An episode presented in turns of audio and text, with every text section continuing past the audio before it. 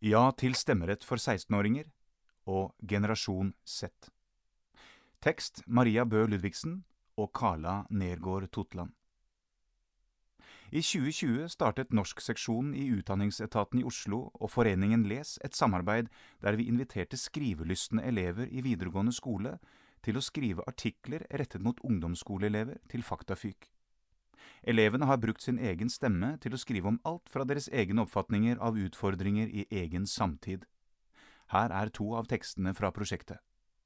Ja til stemmerett for 16-åringer av Maria Bø Ludvigsen. Norske ungdommer burde få stemmerett når de er 16 år. Jeg er ung og ser på stemmerett for 16-åringer som en mulighet for politikerne til å føre en politikk som er inkluderende. 16-åringer kan få barn, bli satt i fengsel, betale skatt og ferdes med kjøretøy. Likevel får de ikke være med på å ta viktige beslutninger i samfunnet. Skyldes dette at vi har for lite livserfaring, er for lite engasjerte og kanskje til og med er naive og kunnskapsløse? Eller er det slik at voksne lukker øynene for å la unge delta i demokratiske avgjørelser fordi forandring skaper ubehag? I 2011 ble det gjort et forsøk der norske 16-åringer fikk stemme for første gang i 20 norske kommuner, og det var faktisk flere 16- og 17-åringer som stemte enn 18-åringer. Vi vil dessuten få mer aktive velgere ved å inkludere unge i demokratiet tidligere.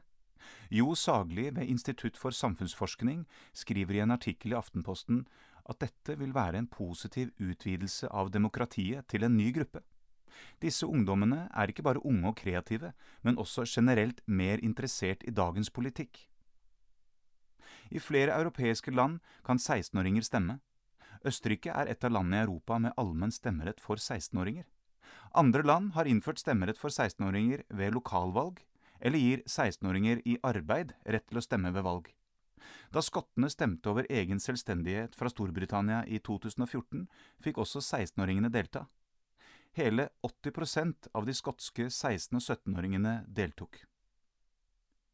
Å få inspirasjon fra andre europeiske demokratiske land er bare sunt. En forandring er nødvendig for å sikre gode og rettferdige beslutninger for hele befolkningen, ikke bare én gruppe. De unges klimaopprør er et lysende eksempel på hvorfor 16-åringer bør få stemmerett. Det finnes ingen grunn til at vi ikke skal få bestemme over vår egen framtid. Denne framtiden har aldri stått så mye på spill som den gjør i dag. Elever ofrer sin egen undervisning i mangel på andre måter å bruke ytringsfriheten sin på. De unge er redde, men fylt med kamplyst, og går i gatene for å gjøre det voksne velgere ikke har klart, nemlig å vekke politikerne fra en dvale. Derfor er den eneste rettferdige muligheten å gi oss stemmerett. Å gi stemmerett til 16-åringer vil ikke bare øke valgdeltagelsen, men også utvide demokratiet generelt. Dette vet vi altså fordi andre land har vedtatt stemmerett for 16-åringer. Det har ikke skapt store problemer eller utfordringer for disse landene, så hvorfor skulle det bli vanskelig i Norge? Det er vår framtid politikerne leker med.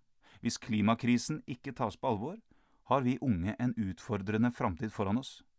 Stemmerett for 16-åringer er dermed både rett og rimelig. Det er tross alt ikke de som er 70 år som skal leve i en klimaskadet verden. Det er oss.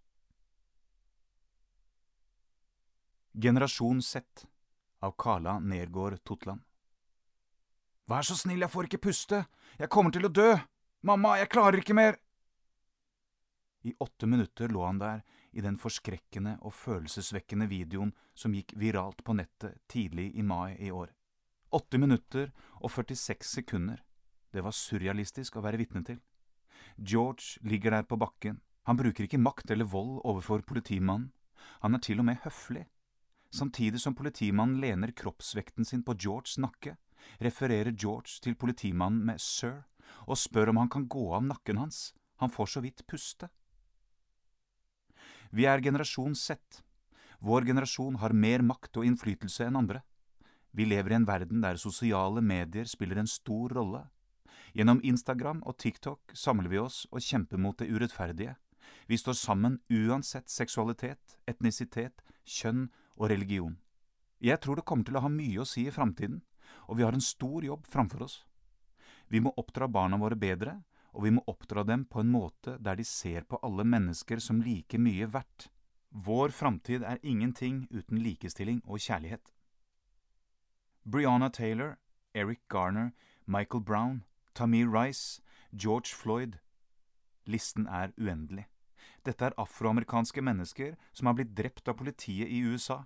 Mennesker som ikke har brukt vold. Mennesker som ikke har gjort noe galt. Vi spredte videoen av George Floyd viralt for å vise den stygge sannheten.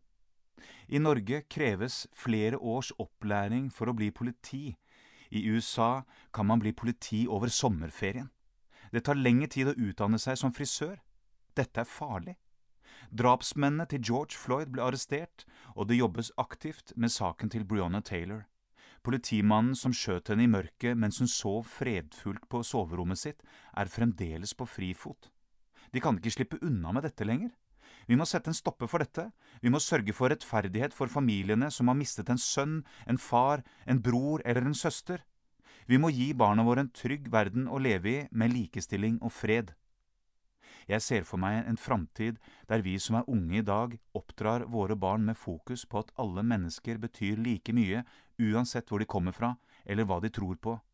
Og de framtidige generasjoner kommer til å oppdra sine egne barn på den måten, de også. Vi må komme sammen som én og støtte hverandre, stå opp for hverandre og elske hverandre. Jeg ser en lys framtid.